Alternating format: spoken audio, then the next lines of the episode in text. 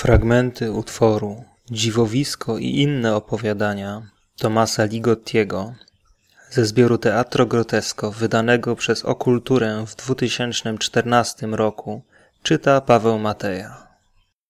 Przedmowa Autora prezentowanych tu opowiadań poznałem w czasie, kiedy przechodziłem kryzys własnej twórczości literackiej. Był to człowiek zdecydowanie ode mnie starszy i jako twórca znacznie przewyższał mnie doświadczeniem. Od zawsze pragnąłem wyrwać się, rzekł, z uchwytu show biznesu. Słowa te powiedział do mnie przy stoliku w narożnej loży taniej kawiarni, w której odbywały się wszystkie nasze nocne spotkania. Po raz pierwszy przedstawiła nas sobie kelnerka, pracująca na nocną zmianę. Domyśliła się, że obaj cierpimy na bezsenność, gdyż przesiadywaliśmy w tym miejscu całymi godzinami, paląc przy tym papierosy identycznej marki, pijąc okropną, podawaną tu kawę bezkofeinową i raz na jakiś czas zapisując coś w trzymanych pod ręką notatnikach. Wszystkie mity ludzkości to nic innego jak show business, powiedział mi mężczyzna, gdy spotkaliśmy się po raz pierwszy. Wszystko w imię czego rzekomo żyjemy i za co umieramy, czy to księgi religii, czy zastępujące je slogany, wszystko to show business. Nauka, filozofia, wszystkie dyscypliny pod słońcem, nawet samo słońce i inne bryły materii kolebiące się w ciemności, gdzieś tam w górze. Rzekł do mnie, wskazując za okno obok kawiarnianej loży, w której siedzieliśmy. Show business, show business, show business. A sny? Zapytałem, uznając, że może odnalazłem wątek w jego dogmatycznym, jak sam przyznawał, poglądzie. Masz na myśli sen, jaki śnimy teraz, czy ten, który się przydarza, kiedy udaje nam się zasnąć? Przyznałem, że to dobry argument i wycofałem pytanie. Zresztą od początku zadawałem je bez specjalnego przekonania.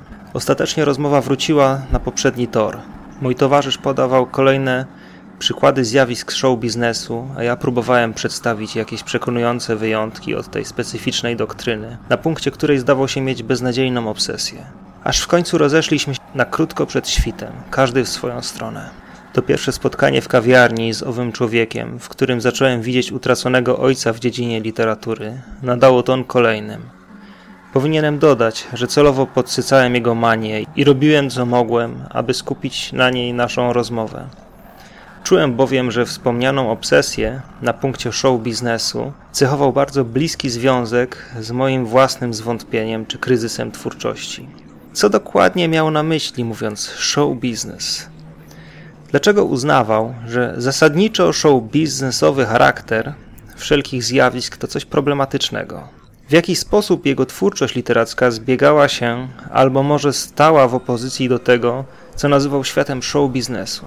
Niczego nie obiecuję po moich tekstach. Nie robię też sobie nadziei, by umożliwiały wyrwanie się z uchwytu show biznesu, powiedział. Pisanie to po prostu kolejna czynność, którą podejmuję się na sygnał. Zamawiam tę okropną kawę, ponieważ jestem w drugorzędnej kawiarni. Zapalam kolejnego papierosa, ponieważ moje ciało mówi, że na to czas. Dlatego też piszę, ponieważ coś mnie do tego nakłania i nie ma w tym nic więcej. Jako, że dotknął w ten sposób problemu związanego blisko z moimi aktualnymi poszukiwaniami, zwątpieniem czy kryzysem, zadałem mu pytanie o jego twórczość, a konkretnie o to, jak można by opisać jej punkt skupienia, jej centrum zainteresowania, jak to wtedy ująłem. Moim punktem skupienia, czy też centrum zainteresowania, powiedział, był od zawsze nędzny show business, jakim jest moje życie autobiograficzne nędzarstwo, nawet nie show biznes pierwszej klasy, a seria drugorzędnych dziwowisk, bezsensownych epizodów pozbawionych ciągłości czy konsekwencji. Za wyjątkiem tych, którym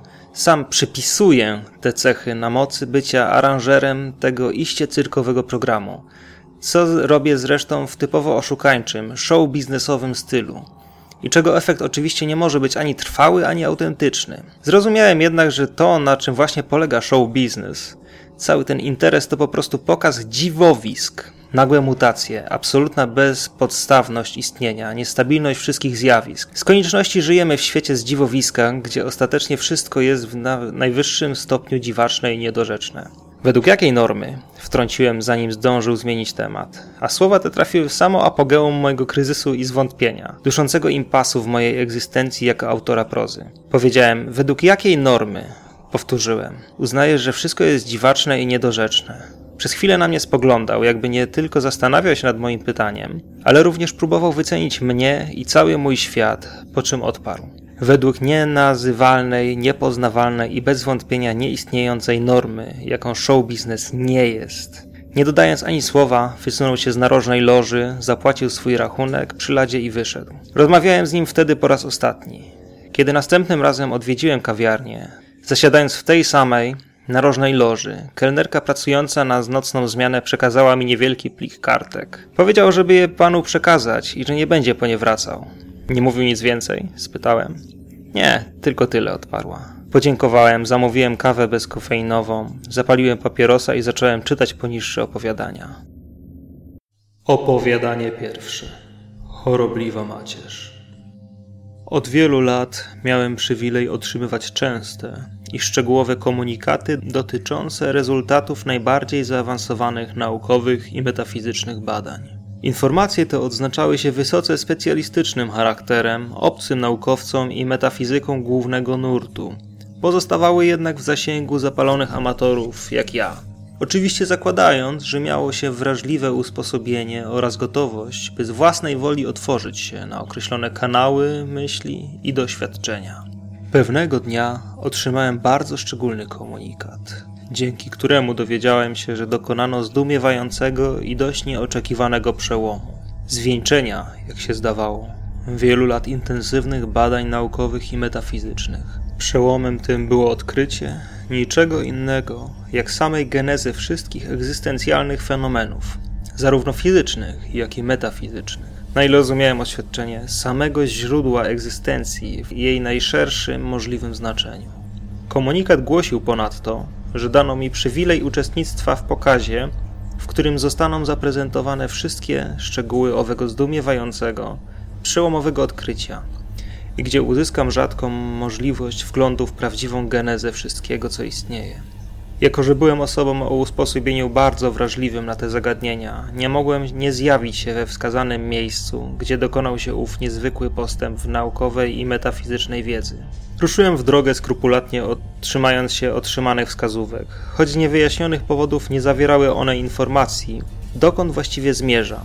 Chcąc nie chcąc, wyobrażałem sobie, że zostanę przyjęty w jakimś zaawansowanym kompleksie badawczym, lśniącym labiryncie pełnym najnowocześniejszych urządzeń i aparatury o niezwykłej złożoności. Tymczasem miejsce, do którego ostatecznie dotarłem, w żaden sposób nie pasowało do moich naiwnych, żałośnie konwencjonalnych oczekiwań. Budynek, gdzie znajdowała się ta naukowa i metafizyczna instalacja, jak o niej wtedy myślałem, był wielki, ale bardzo stary. Zgodnie z instrukcją wszedłem do niego przez małe drzwi, które odnalazłem w, na końcu ciemnej, ciasnej uliczki, biegnącej wzdłuż ścian tej starej konstrukcji. Otworzyłem je i wszedłem do środka, ledwie widząc dalej niż na dwa kroki, jako że był już środek nocy. Rozległ się cichy klik. Drzwi za moimi plecami zamknęły się. Mogłem teraz tylko czekać, aż mój wzrok przyzwyczai się do ciemności. Światło księżyca wpadało przez okno gdzieś nade mną, rozlewając się mętnie na brudną betonową posadzkę. Zobaczyłem, że stoję na dnie pustej klatki schodowej. Wtedy rozległ się słaby dźwięk, jakby coś czołgało się w moim kierunku. Ujrzałem, jak z cienistego kąta wyłania się kształt.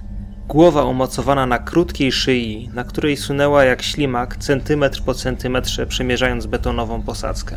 Rysy jej twarzy były nieokreślone, zdawała się jednak zdeformowana bądź okaleczona. Sunąc tak otwierała i zamykała mechanicznie kanciastą szczękę, wydobywając przy tym niezrozumiałe dźwięki. Zanim jeszcze znalazła się obok mnie, zauważyłem, że w innym, bardziej zacienionym kącie ponurej, rozświetlonej księżycem klatki schodowej również coś było. Ów obiekt zdawał się niewiele większy od zmierzającej ku mnie głowy i wyglądał jak zupełnie bezkształtna, blada masa. Poznałem, że była to ożywiona tkanka.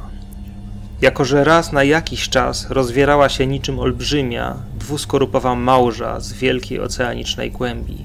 Wydawała z siebie ten sam dźwięk, co pełzająca głowa, wtórując jej w zawodzeniu na dnie ciemnej, pustej klatki schodowej, gdzie, jak mnie poinformowano, miałem ujrzeć źródło wszystkich egzystencjalnych fenomenów. Może wprowadzono mnie w błąd, pomyślałem stojąc i słuchając zawodzenia tych istot na dnie pustej klatki schodowej po czym wyszedłem tym samym przejściem, którym się tu dostałem. Lecz w momencie, gdy zamykały się za mną drzwi, zdałem sobie sprawę, Jak bardzo dźwięki te przypominały mi cienkie głosy bytów dopiero co wypchniętych, nieważne jak w niedoskonałej formie, do świata fenomenalnej egzystencji. Opowiadanie trzecie. Astronomiczne rozmycie.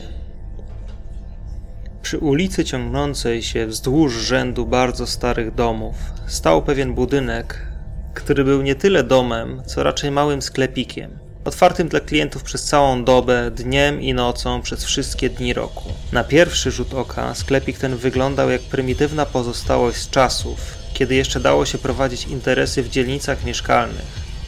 Nawet jeśli domy z sąsiedztwa wyglądały na podupadłe.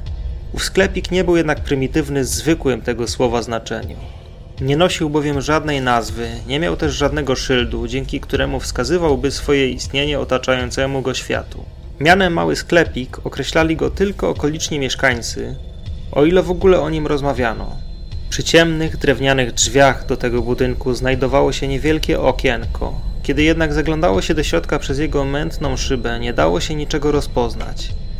Widać było jedynie rozmyty wir nieokreślonych kształtów. Choć lampy wewnątrz zawsze się paliły, także w środku nocy, zdawało się, że przez jego okna nie przenika jednostajnie światło elektryczności ani kła migotliwa poświat. Nigdy nie widziano osoby, którą można by było uznać za właściciela małego sklepiku. Nie widziano też, aby ktokolwiek do niego wchodził lub zeń wychodził a przynajmniej nikt z sąsiedztwa. Nawet jeśli czasem zatrzymywał się przed nim jeden z przejeżdżających samochodów, z którego wysiadał ktoś z widocznym zamiarem wejścia do środka, nigdy nie docierał dalej niż do schodnika. Zaraz potem zawracał, ponownie wsiadał do samochodu i odjeżdżał. Okoliczne dzieci zawsze omijały sklepik, przechodząc drugą stroną ulicy. Oczywiście budynek ten ciekawił mnie, odkąd tylko wprowadziłem się do jednego ze starych okolicznych domów. Natychmiast dostrzegłem w nim coś, co wtedy uznałem za prymitywną czy wręcz pierwotną naturę.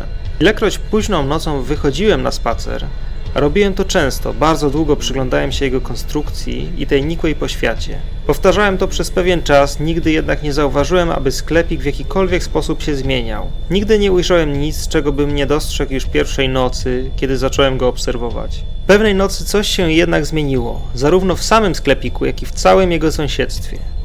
Nikła poświata, płonąca wewnątrz budynku, rozbłysnęła jedynie na krótką chwilę, by moment później wrócić do stanu zwyczajnego, ledwie tlącego się migotania. Tyle tylko widziałem.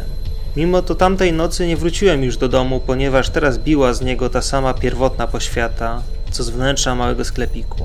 Tak rozświetlone były obecnie wszystkie domy w sąsiedztwie. Każde z ich małych okien tliło się migotliwie mimo późnej nocy. Już nikt z tych domów się nie wyłoni, pomyślałem, opuszczając ulicę miasta. Ani też nikt nie zapragnie, by do nich wejść. Być może wejrzałem zbyt głęboko w naturę małego sklepiku i po prostu mnie ostrzegł, abym nie zaglądał dalej. Chociaż z drugiej strony mogłem być przypadkowym świadkiem czegoś zupełnie innego, jakiegoś planu lub procesu, którego finału nie sposób przewidzieć.